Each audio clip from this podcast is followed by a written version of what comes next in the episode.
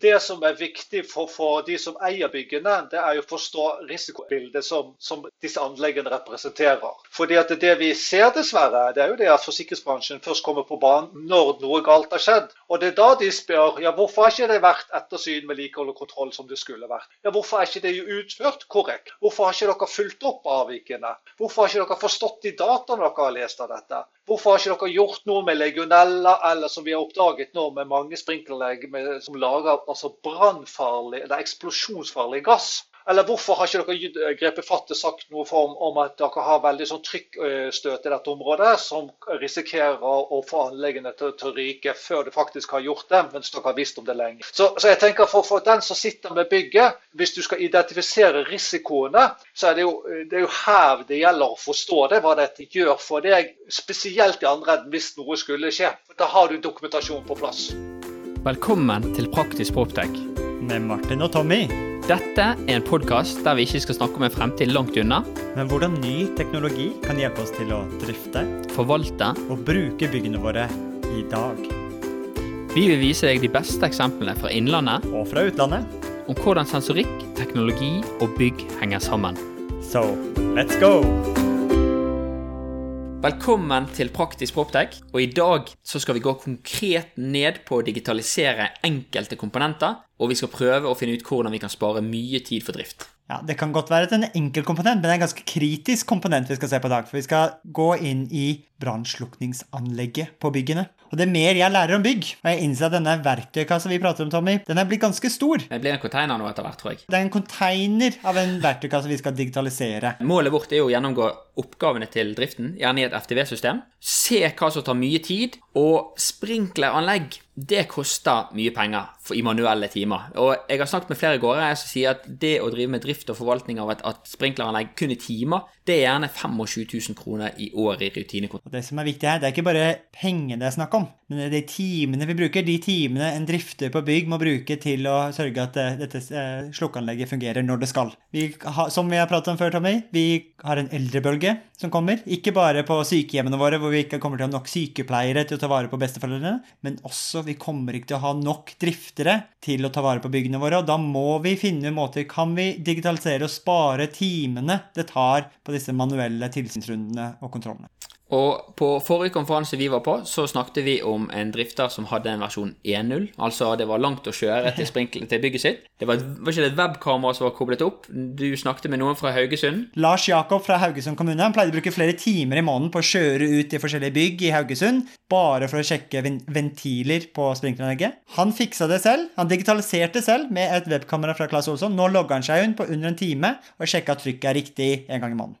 Og jeg har noen byggherrer som jeg har snakket med, som har kanskje en versjon 2.0. De har fått inn en sensor som måler kontinuerlig trykket over og under ventil. Eh, men samtidig så må de manuelt kontrollere alarmer, og de må ta den månedlige rutinen uansett. Så i dagens episode Martin, så skal vi prøve å løse dette. I dagens todelte episoder. For vi har to deler i dag. Veldig spennende. For jeg tenker Hvis vi skal se på hvordan vi skal digitalisere noe, så må vi først lære fundamentet i dette her. Så Spesielt for de som er tekker som er kommer nytt i bygg, inns, eh, så innser man kanskje at et slukkeanlegg er mye mer komplisert enn man først skulle tro. Så vi skal tilbake til skolebenken, begynne med det fundamentale, og lære av en som har brukt veldig mye av sin karriere til å tenke på brann og brannsikkerhet. Arnstein Fedøy kommer inn i studio først eh, og skal gjennomgå hva innebærer det, disse manuelle rutinene, tilsynsrutene vi har på slukkeanlegget. Og for alle propper der ute, så har vi òg funnet noen tekker som skal rett og slett vise oss hvordan I hvert fall spørsmålet jeg skal spille, kan vi nesten glemme at vi har et sprinkleranlegg i byggene våre. Så med det sagt, Martin Da setter vi i gang. Yes. Da ønsker jeg hjertelig velkommen til vårt digitale studio som er Praktisk Proptech. Arnstein Feidøy. Takk for det. Veldig koselig å ha deg fra Hvor er det du ringer inn fra nå? Du, jeg ringer inn fra Kristiansand kommune. Jeg bodde tidligere i Søgne kommune, men uten å flytte en eneste meter, så plutselig så var jeg i Kristiansand kommune. Du er et barn av kommunesammenslåinger på Sør-Vestlandet? ja, rett og slett, ja. Ja, jeg er rett og slett en utflytta bergenser som fant seg den store kjærligheten på Sørlandet for noen år siden. Så, så, ble det som det gikk. Jeg hører det er en litt utvannet dialekt der. Ja, det, jeg gjør det, altså. Men, men, den som er veldig god på dialekt, den hører kanskje at det faktisk er mer østlandsk enn sørlandsk. Fordi at jeg bodde tre år i Oslo fra jeg var tre til seks år. Når jeg kom tilbake til, til Bergen, så var jeg østlending, så da heter jeg Arnstein. Vi, vi pleier å ønske våre gjester til studio med spørsmål som er Har du et tall? Oi. Ja, du, jeg er veldig glad i tallet tre. Ok. Ja. Symboliserer det antall ganger du har ved et uhell utløst et sprinkleranlegg på Det tror jeg faktisk er flere ganger jeg har fått alarmen til å gå enn tre, men, men det er noe annet, da. Største bygget jeg husker jeg tømte en gang, det var hele Feven-bygget her i Kristiansand. Det, men det Ja ja, sånn er det. Hvorfor valgte du tre, tallet tre? Nei, altså, jeg elsker tallet tre. Altså, jeg er født 3. mars, sånn, så jeg har både på, på dagen og på månen. Eh, Jeg har tre barn. Eh, ja. Nei, det er mange ting med tallet tre som jeg digger. Arnstein, hvor lenge har du eh, jobbet med brann og brannsikkerhet, og hvor, hvordan endte du opp med å bli en spesialist på dette fagområdet? Du, jeg har jobbet med, med slukkeanlegg spesifikt siden 2005, da jeg gikk ut med en bachelor fra, med brannsikkerhet fra Høgskolen på Stord Haugesund. Eh, og grunnen til at jeg begynte med den utdanningen, var det at jeg rett og slett så et program på TV som omhandlet sprit. Og jeg syns det var så genialt å ha Brannmann 24-7 eh, som var der hele tiden. Så jeg tenkte det har jeg lyst til å jobbe med. Tenk de alle andre, de holder på med bare sånne kjedelige ting. Men jeg jobber med noe som skal virke når det brenner. Og det synes jeg var helt bra. Så tok jeg en master nå som jeg gjorde ferdig i 2018. For vi har ikke hatt masterutdanning på brann i Norge før 2016. Så da tok jeg og gjorde det hvis jeg har jobb. Så du er en av de få i Norge som har en mastergrad I brannsikkerhet, brannsikkerhet og med f- spesialfordypning slukkeanlegg. Det er det eneste de har. og kanskje en av de veldig, veldig, veldig få som har publisert sin mastergrad også? Ja, jeg har ikke klart å finne noen andre som har det. For du kan, vi kan faktisk, du kan gå en bokhandel og kjøpe Arnstein Fedøy sin masteroppgave, som omhandlet hva da? Pålitelighet på sprinkleranlegg. Fantastisk. Så vi Så har nå, en så nå kom, bare for å si det, nå kommer det en sånn pocketbok, så nå er plutselig prisen blitt en tredjedel av det det var for ett år siden. Så nå i mars så trykte det der opp, for, opp utgave nummer to. Har du en eksklusiv eh, rabattkode vi kan eh, putte i shownotes her for eh, en eksklusiv 10% rabatt? Signert signert utgave. Sig og får de signert Signert. utgave? Ja, signert utgave. Da må du bestille direkte fra meg, men det skal vi få ordnet. Og så ja, jeg skal ordne det. Så de får eh, Eh, signert utgave der det òg bruker ordet praktisk proptech, og så eh, rett i posten. Ja, hvis, Rett i hvis, ja, hvis du bruker har, eh, koden praktisk proptek når du skriver til Arnstein, så får du en spesialutgave av andreopplaget av din masteroppgave. Så da, med sikkerhet, så har jeg, veit vi nå at vi sitter med en ekte ekspert på slukkeanlegg, Mr. Slukkeanlegg, til å lære mer om eh, et ganske kritisk element i byggene våre. Nice. Jeg, jeg, jeg må jo si at jeg òg har tømt noen bygg eh, med uhell. Og, og ikke, ja, da, ikke minst når jeg skulle teste alarmene på et sprinkleranlegg, så har jeg av og til glemt å tatt den av, og før jeg visste ordet av det, så var det en røykdykker som pirket meg på ryggen. Så det Jeg håper det er mange i klubben vår. For det er enorme mengder vann når et slikt anlegg går av. dette, var et, eh, dette var et tørranlegg, så det, hele anlegget måtte jo tappes òg etterpå. Det er jo dette her sikkert Arnstein som forteller oss mer om, men da lærte jeg at eh, det, er, det kan være dyrt å høre på litt musikk og glemme seg litt og skal teste noe, og eh, noise cancelling headset og ikke fikk med seg pipelyden.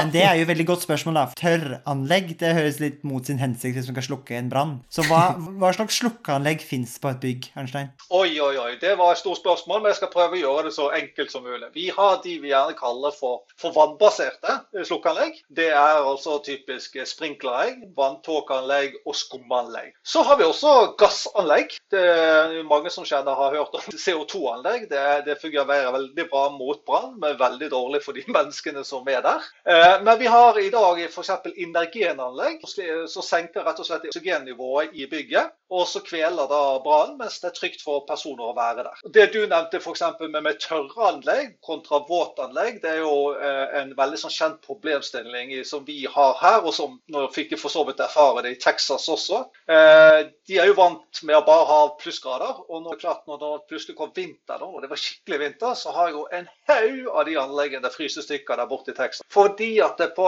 eh, på vinteren, der det er frostutsatt, så en av løsningene er å gjøre det om til tørranlegg. Det vil si at det står bare luft mellom selve sprinklerventilen og ut til selve hodene. Og det er akkurat Dette anlegget som jeg snakker om, var jo et garasjeanlegg. Og det er vel det der det er typisk med sånn tørranlegg, der det kan bli minusgrader. Typisk garasje. Og lager. Lager, selvfølgelig. Så det betyr egentlig at alle rørene er tomme for vann. Helt riktig. Og da er det sånn at De kan jo trigges på forskjellige måter, men felles for de alle er det at hvis det da oppstår en brann og et hode løser ut og videre, så detekterer selve sentralen det at nå er trykket ute, klaffen går opp, og så slipper han vannet inn. Og Da er ikke det noe problem å strømme gjennom selv iskalde rør, fordi at det, det er uansett, vannet er uansett varmere. Så det trekker jo da kulden ut av det også i løpet av kort tid. Jeg har lært én ting til, og det er jo det at dette tørreanlegget det har jo et trykk på seg. Mm. Og det trykket er jo en kompressor, i hvert fall i de tilfellene jeg har sett, som holder dette trykket oppe.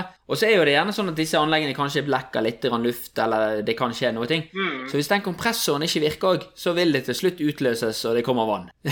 så det er jo et enda et nytt problem. Og det er derfor ja, ja, og det er derfor vi driver og overvåker alle typer funksjoner på sånne anlegg, inkludert lufttrykket på det. Sånn at hvis det da faller under en forutsatt verdi som ligger betydelig høyere enn det som skal til for å løse ut av det, så får du et feilvarsel, de kaller det da. Men hvis, hvis vi skal fokusere på de mest vanligste byggene vi har, skoler, barnehager, kontorbygg, eh, kanskje eh, leilighetsbygg, hva, hva er de typiske slukkeanleggene man har da? Ja. Skal vi snevre inn på de og gå litt dypere på akkurat den kategorien? Ja, altså I hovedsak så er dette installert i tre typer bygg. Eh, Det ble nevnt eldrebølgen her tidligere. Og det gjelder jo definitivt for alle disse byggene. Så for å hele tatt å kunne ha folk trygt hjemme når de ikke kan bevege seg som normale og friske personer, sånn som vi er De kan rett og slett ikke ta seg ut på en normal måte sånn, eh, hvis det brenner, for de er rett og slett sengeliggende, eh, rullestol eller hva som helst. Så har altså myndighetene her for noen år siden bestemt at eh, en hel del av de boligbyggene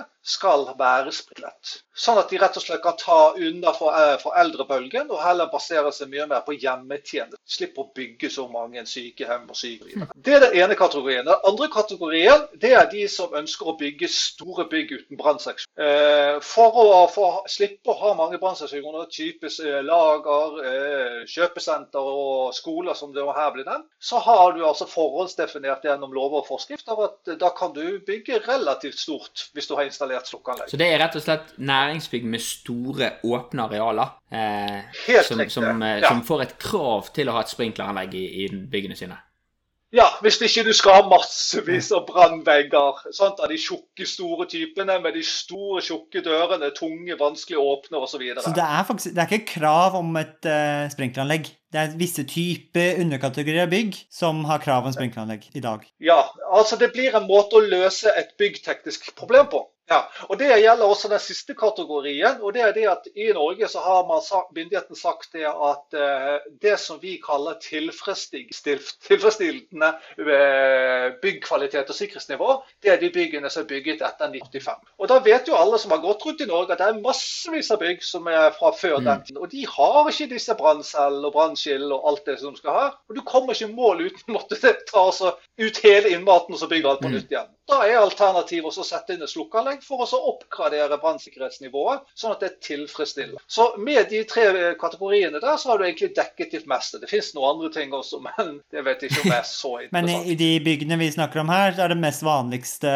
slukkeanleggene. Du nevnte CO2, du nevnte gass og skum, men det er vann først og fremst vi prater om. Ja, Sprinkleranlegg tipper jeg står for et sted mellom 92 til 95% av alle. Så er det en del vanntåkeanlegg, og så er det en del skumanlegg, og så til slutt eh, det vi kan kalle gassanlegg. Og det er vel gjerne sistnevnte er vel gjerne vanlig på, på datarom og litt sånne, sånne soner som det. Helt riktig. Nå ble jeg litt nysgjerrig. Vanntåkeanlegg, når, når bruker vi de? Det bruker du f.eks.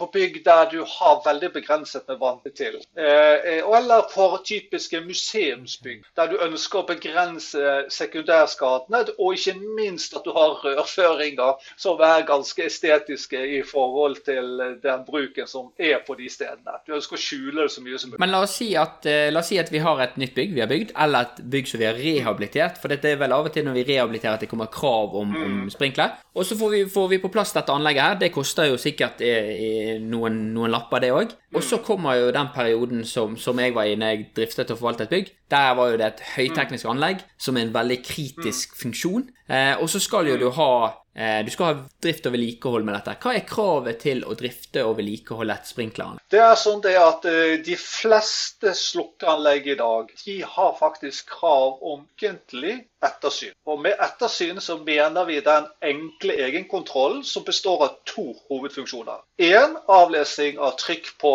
vanntrykket inne og trykket som er på anlegget. Eh, det som er hele greia der, som jeg prøver å få forklare, det er det at det vannet som står opp i selve sprinkleranlegget, det er ikke særlig drikkbart. Ikke prøv å drikke det. Eh, legionella er jo en kjent problemstilling i forhold til hva som er der. Og legionella er, som dere vet, det tar faktisk av og til liv. Så for det, Ja. Dette er jo et vann på et anlegg som er satt når bygget ble bygd, stengt igjen, og Ja. så ligger det der i ulik temperatur og kan ligge midt i det beste legionella-miljøet, helt stillestående. og Blir det aldri bytta ut? Så det ligger der kanskje i 20-30 år, da, det vannet? Ja, store deler av vannet har av og til tendenser til å ligge der fryktelig lenge. Og selv om, om det er årlig vedlikehold, det tappes ned, så pleier det å være lommer, det pleier å være fall feil vei osv. Så, med en gang du fyller på igjen med friskt vann, ja vel, så ligger alltid det der fuktig uansett. Og vips, så i løpet av en uke så for eksempel oppe på det samme igjen som det var før. Rett og slett. Sant? Og det er jo et kjempeproblem. Så Derfor er den der eh, kontrollen av trykket på, på begge sider så viktig. For da får du indikasjoner på om den der holder tett. For det, for det er det vi ønsker å se hver ukentlig. Vi ønsker å se at trykket under og trykket over er, det, er tilnærmet det samme nesten da. Det skal være høyest på oversiden. For som dere kjenner til tettheten på vann, jo varmere det blir, jo høyere blir tettheten. Og, og det friske vannet er jo gjerne bare 80 grader, sant? Er dri- Eller noe Ja, sånt. Og da, ja.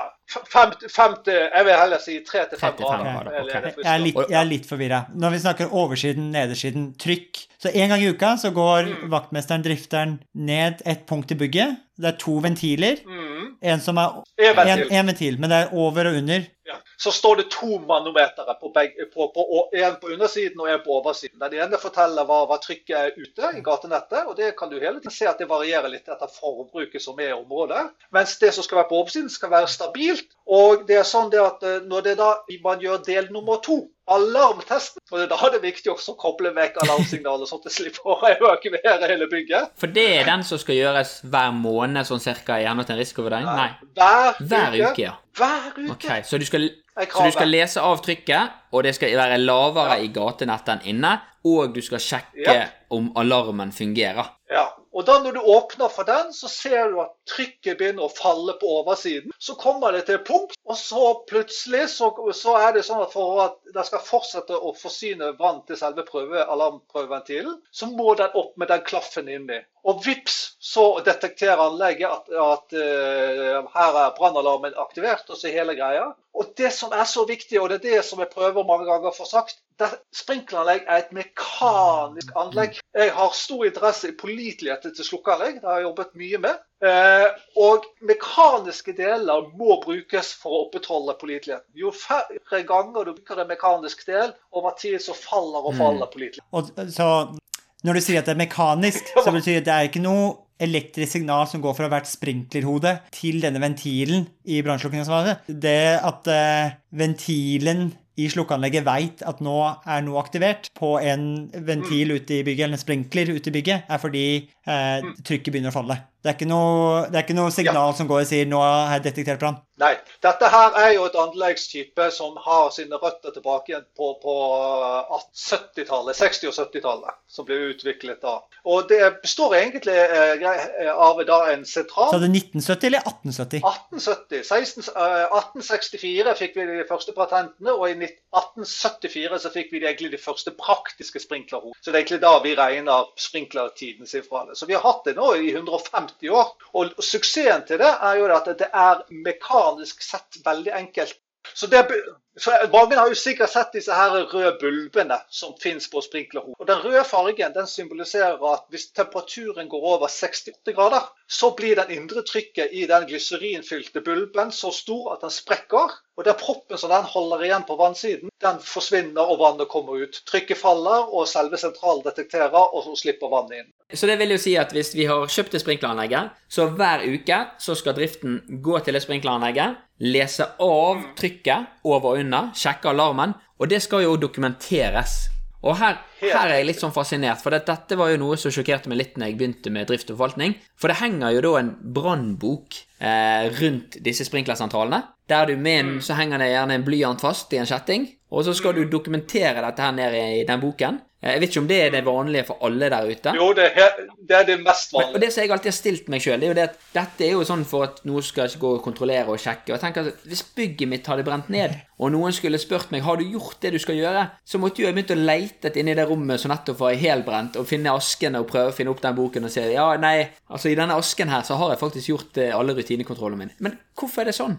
Ja, Det er et veldig godt spørsmål. En annen variant av det å lete etter den, den var jo nettopp borti nå i forbindelse med den eksplosjonen som var nede i sprinkleranlegg her i Kristiansand, i- på, ute på Andøya, som jeg vet ikke om dere fikk med dere i fjor. Eh, og Der hang det jo på en vegg der en sånt reserveskap og den boken. og sånt. Og i Verken reserveskapet eller boken har jo noensinne klart å bli funnet igjen. Sant? Så det er egentlig den samme problemstillingen. Altså Poenget er at vi gjør ting på samme måte som vi startet på. Og det var jo en av de tingene som etter at jeg begynte med dette her i 2005, at jeg begynte å lure på hvorfor i all verden holder vi på å gjøre det sånn, når vi så enkelt kan begynne på den der automatiseringen og digitaliseringen av dette. Og Det er det vi skal snakke litt mer om senere, men, men det er jo helt klart at den måten å operere på Noen har jo begynt også å, å, å koblet opp mot SD-anlegg osv.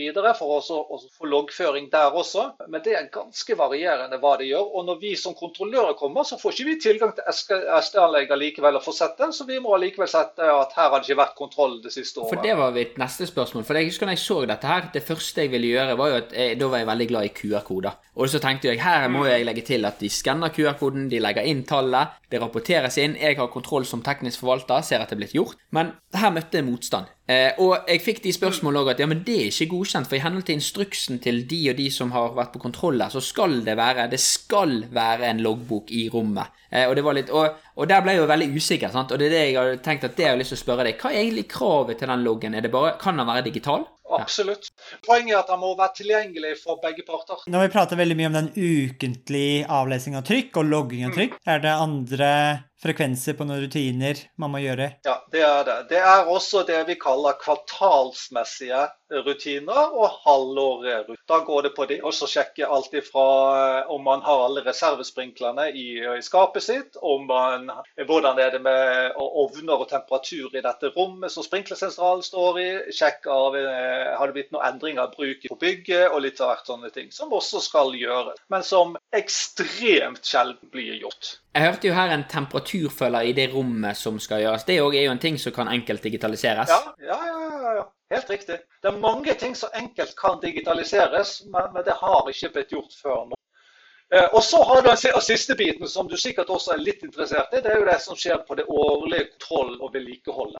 Da har du gjerne eh, enten to personer eller en og samme person, som da både gjør det fysiske vedlikeholdet på det, åpner, sjekker pakker, gjør rent, siler osv. Eh, og så har du den som gjør det mer overordnede, sjekker at eh, sprinkleren står fremdeles på riktig sted i rommet, det er ikke noe som har hengt noe opp rundt sprinkleren, satt opp et skilt i nærheten osv. Men, men dette er da et selskap som gjør, sånn et sertifisert selskap? Det er det selskap som gjør. Så gjør Den, det er den årlige. Så, så for driften så er det ukentlig, kvartal, halvår, og så er det et selskap som må ta den årlige kontrollen. Helt riktig.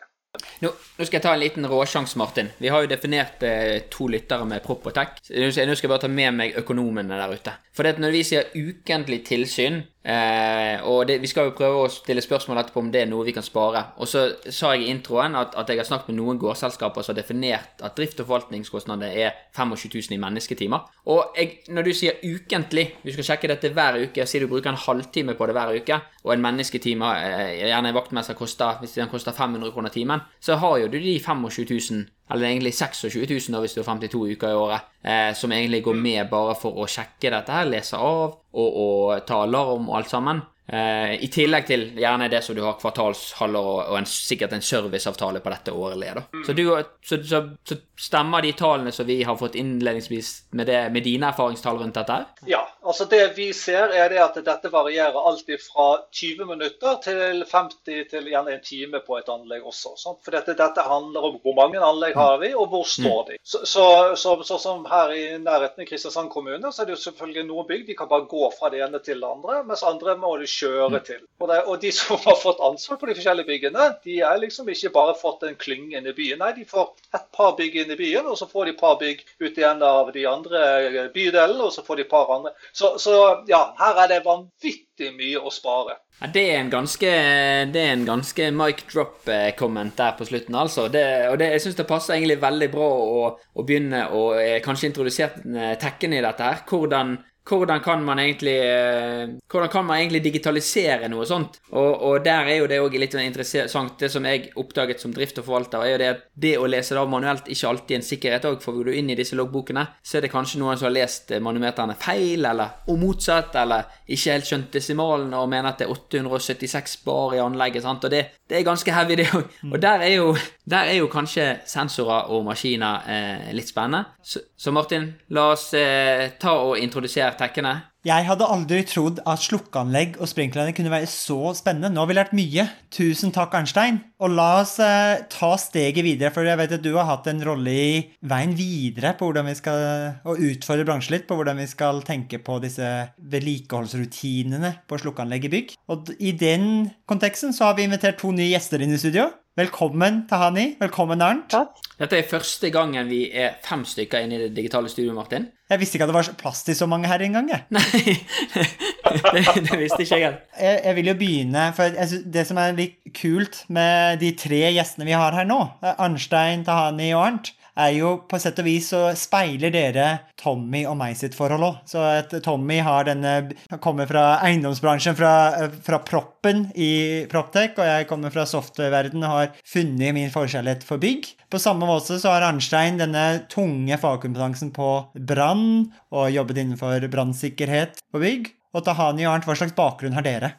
Ja, eh, mitt navn er Tahani Berge, og bakgrunnen min er Tiving eh, datainformasjonssystemer. Så jeg har jobbet med software og digitalisering over 20 år. Eh, software er det jeg kan, men jeg syns at magien oppstår når fagfeltet kombineres med software. Når vi lærer om det rundt et fagfelt, som vi lærer å samarbeide tettere og bygge rundt en software rundt det, da er, det, da, da er jeg veldig veldig happy og kjempefornøyd med det jeg jobber med. For, for dere to eh, representerer vel selskapet Fire Mesh, stemmer ikke det? Helt rett. Og hva er bakgrunnen din Arn, i dette?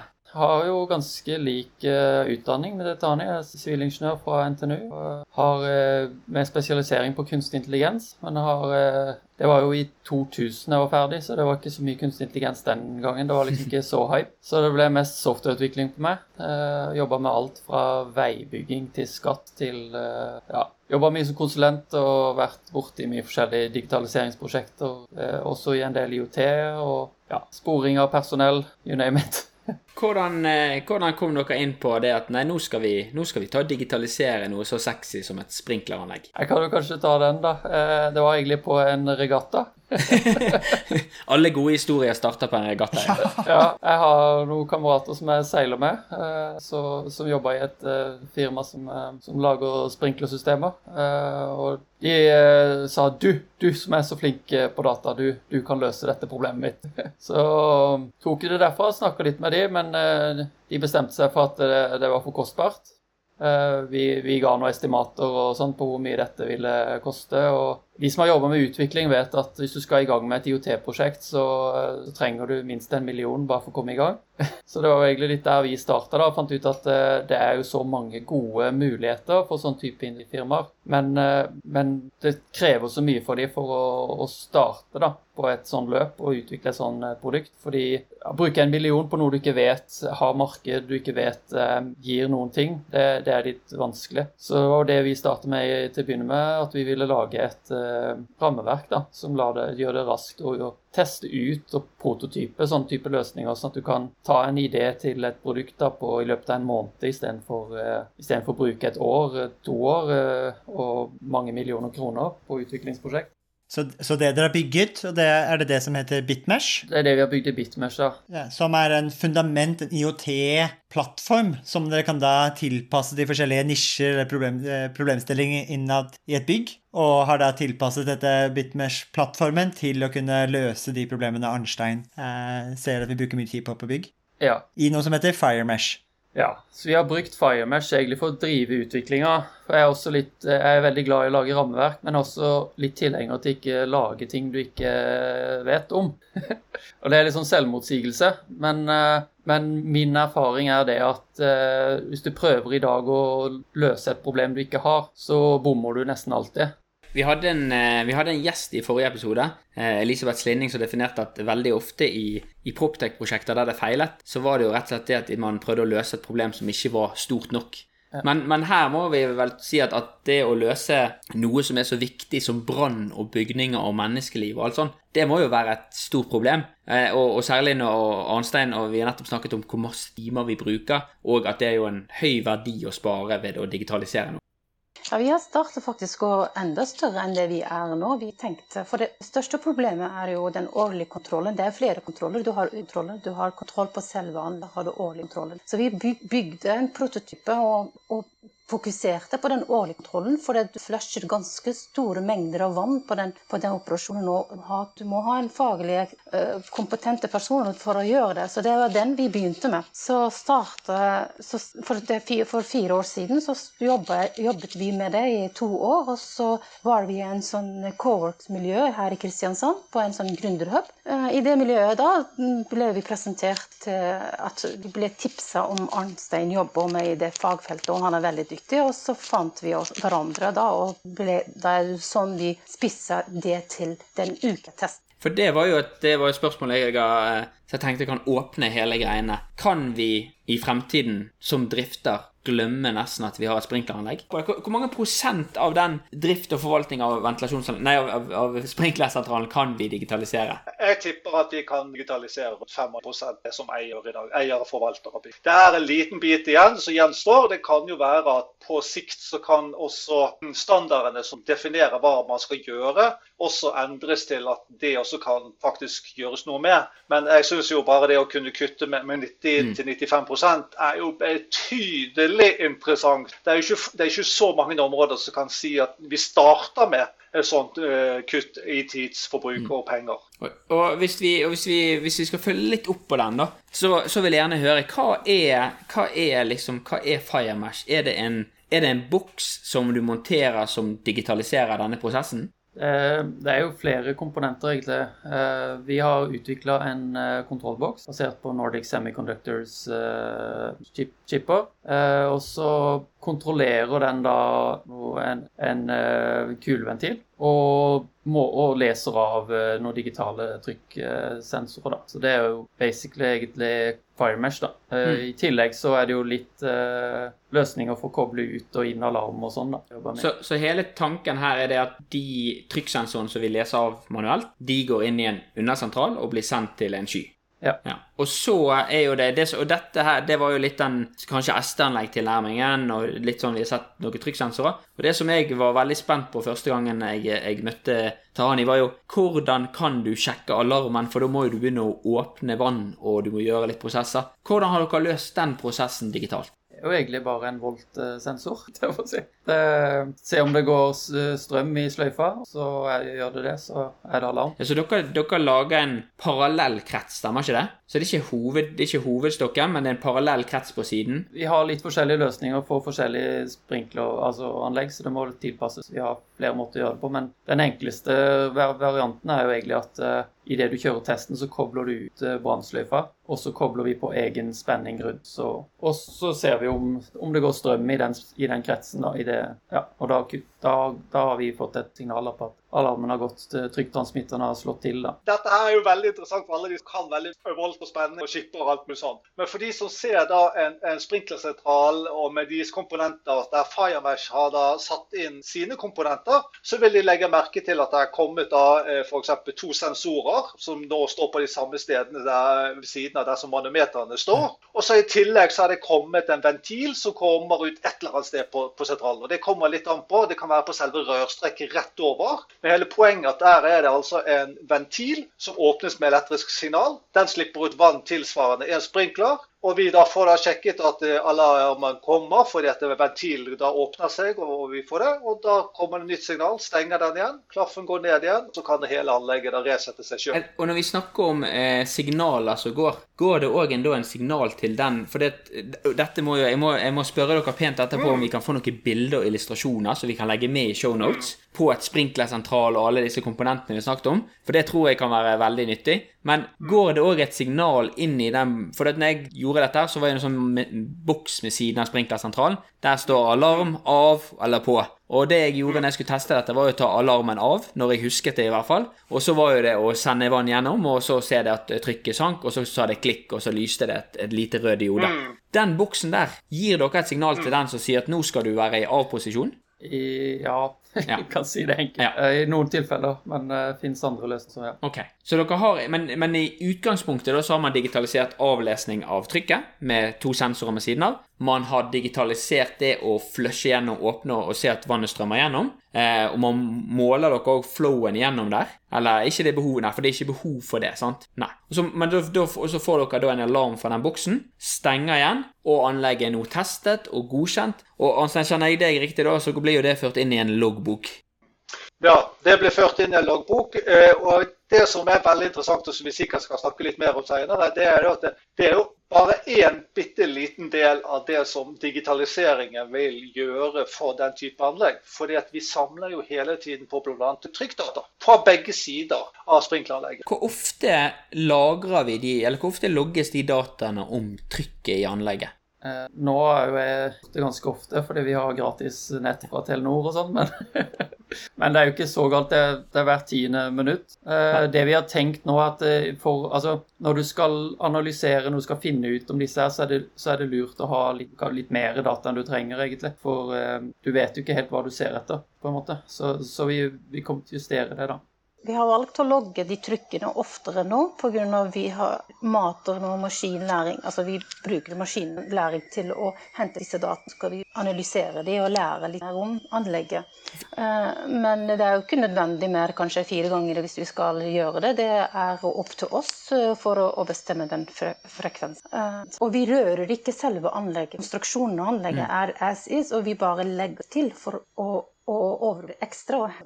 Nå er det beskrevet hvordan vi kunne bytte ut de manuelle prosessene, den ukentlige kontrollen på trykk, eh, og på en veldig hendig måte også simulert hvordan vi tester at én eh, sprinkler eh, faktisk forårsaker det trykket, utløsning av den ventilen, på riktig tidspunkt, og automatisert hele den prosessen. Men det som er spennende med digitalisering, er at vi kanskje kan gjøre mer enn det vi gjorde før. Ikke bare digitalisere eksisterende prosesser, men kanskje få noe merverdi ut av det. Så hva, hva ser dere for dere at vi kan gjøre med den dataen dere samler inn? Eh, og kan vi, kan vi skape noe merverdi av den digitaliseringen også? Eh, jeg kan jo svare litt på det. For det, det som jeg tenker i dag, da, der man tar ett målepunkt én gang i uka eh, Altså, det er det du skal gjøre. De fleste best, Og skrive det ned i en papirbok? Ja. De beste i klassen gjør det hver 14. dag, av det jeg har klart å finne. Eh, noen gjør det hver en gang i måneden. Men selv om du hadde gjort det en gang i uka, så hadde egentlig det målinga kun kunne vise deg at anlegget absolutt ikke fungerer. Det hadde ikke vist deg om det var lekkasje. Mm. Det hadde ikke vist deg om Altså, Hvis du har flaks, så er det akkurat idet det lekker, så kan du se at det lekker ut. Hvor sannsynlig er det hvis du er der en gang i måneden? Så, så hvis f.eks. da, eh, si at du har det trykket på oversiden, det som kan stå stille eh, Hvis det er en liten lekkasje der, at det drypper litt og litt, så vil dere kunne begynne å se det og detektere det, og kanskje gjenkjenne det i neste bygg og neste bygg?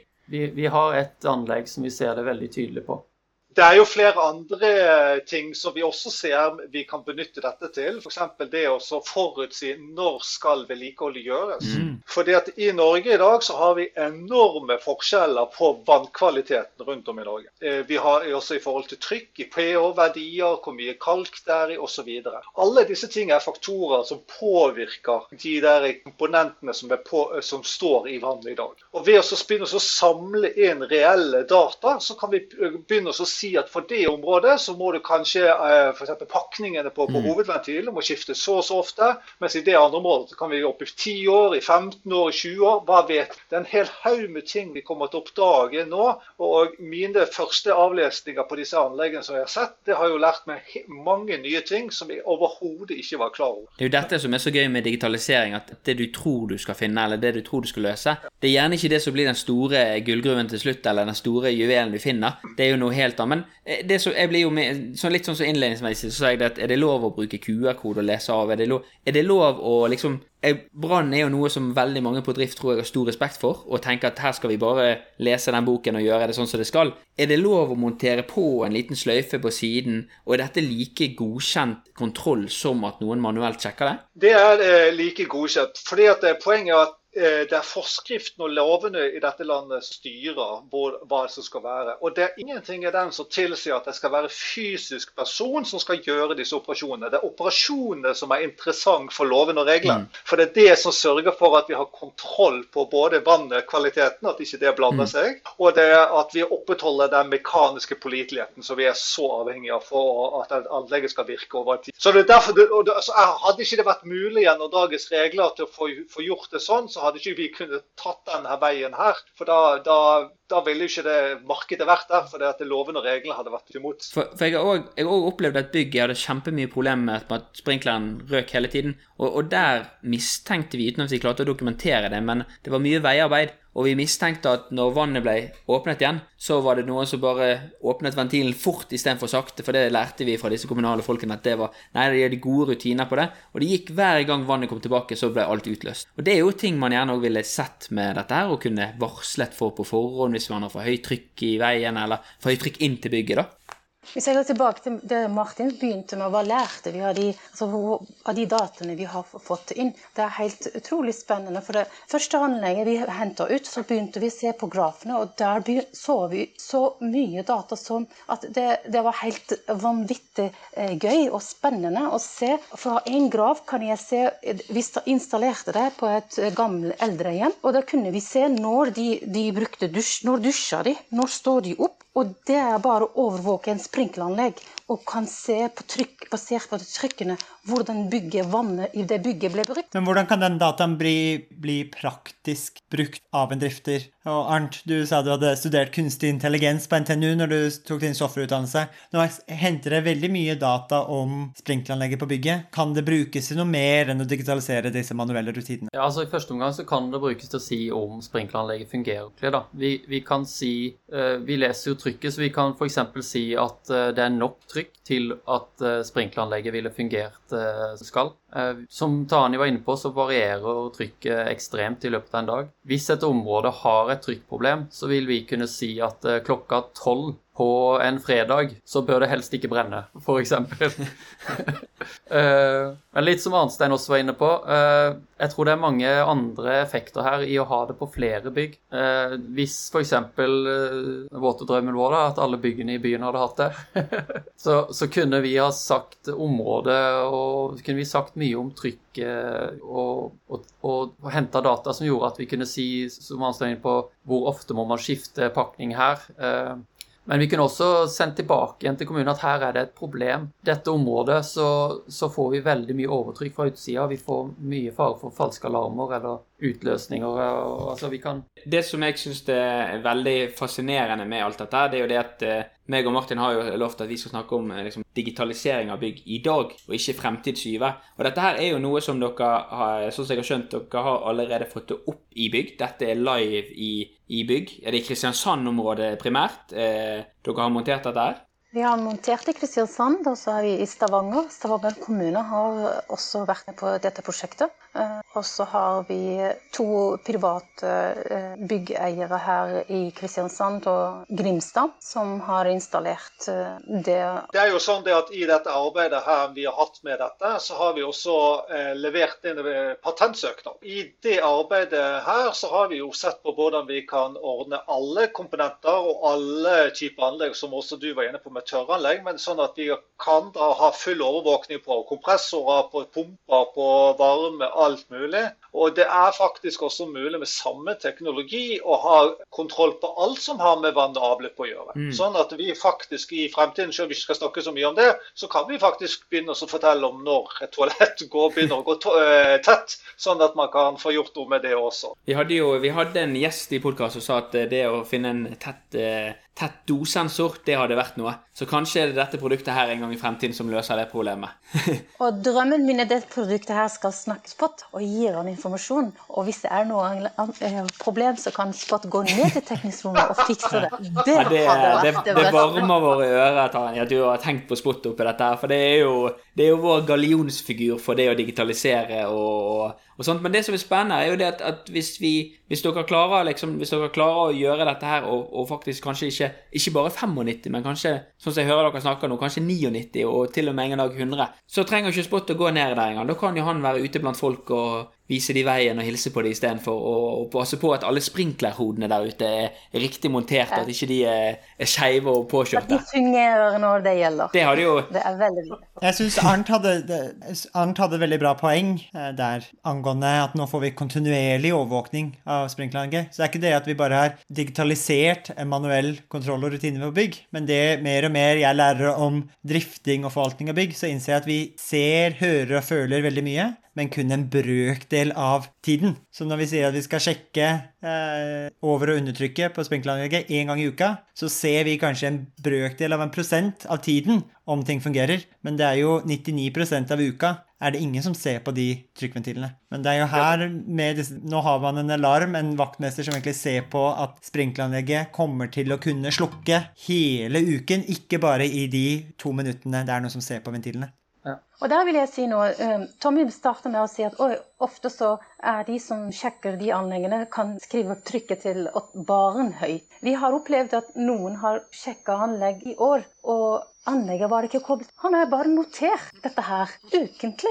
Og anlegget var ikke eh, kobla i gang i alarmsystemet og hele pakka. Så det, det, treng, det, er jo ikke bare at du går ned i teknikken og bare leser de. Og, og, ofte faktisk en ting også du nevnte, Tommy, som Arabia opplevde ofte, at de glemmer å slå uh, på alarmen. Mm. For i dag så slår de det av, og så tester de det, og så slår de det på, og så skal de egentlig det skal fungere. Ofte så glemmer de å slå den på. Og det betyr at det, det, det betyr ikke at anlegget kommer ikke til å funke når det, skjer brann, men eh, brannvesenet kommer ikke til å få den alarmen. Og det er jo, Da har vi egentlig tatt første, førstehjelpen og første mm. sikra plassen, men eh, hjelpen kommer jo aldri. Nei. Det er jo store konsekvenser på hvordan vi gjør det manuelt i dag.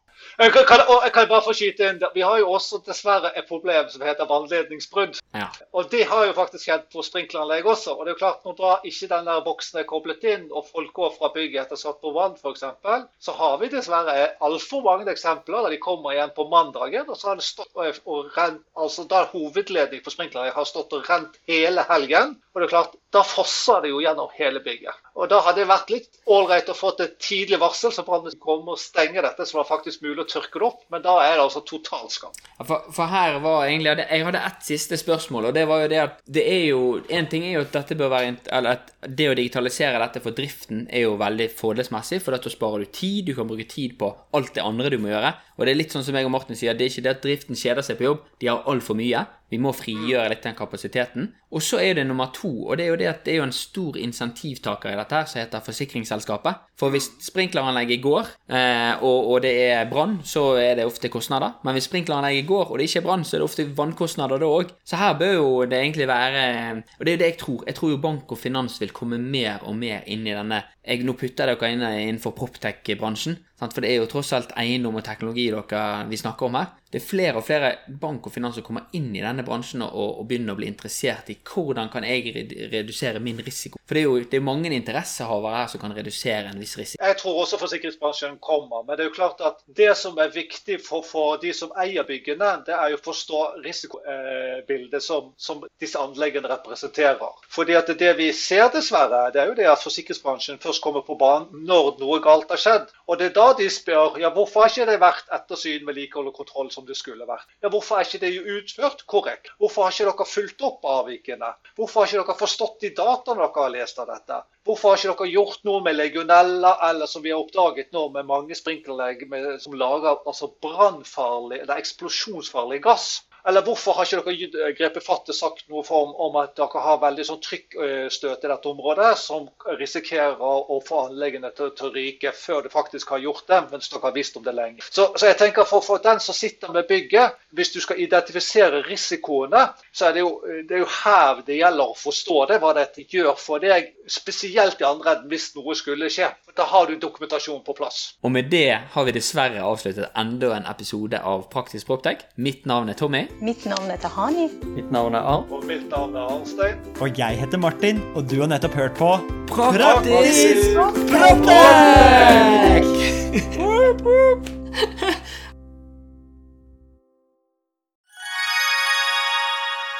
Da dere er 2024 i gang, og et av høydepunktene på starten av året er jo sett sammen et årshjul, og det har vi også gjort, Tommy.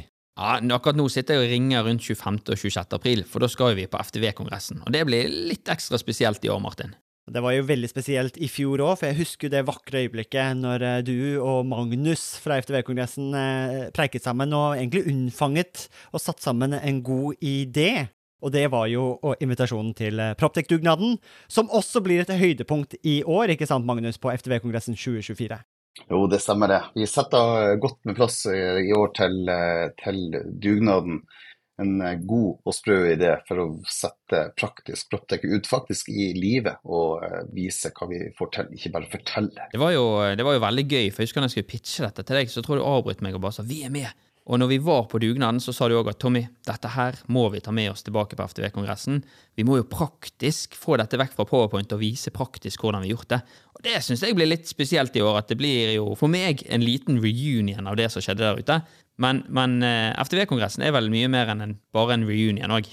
Jo da, det er en møteplass for FTV Norge, og vi ønsker å skape det til en, en god møteplass for FTV Norge, som, som tross alt tar vare på Norges største fastlandsnæring. Og da skal vi da skal vi ha en god arena å møtes for å se på felles uh, utfordringer og problemer, men ikke minst hvordan vi kan løse ting fremover. Og så blir uh, dugnad en sånn uh, bekreftelse på hvordan vi faktisk kan gjøre det, istedenfor å stå og bare høre om hvordan vi kunne ha gjort det. Det er veldig kult.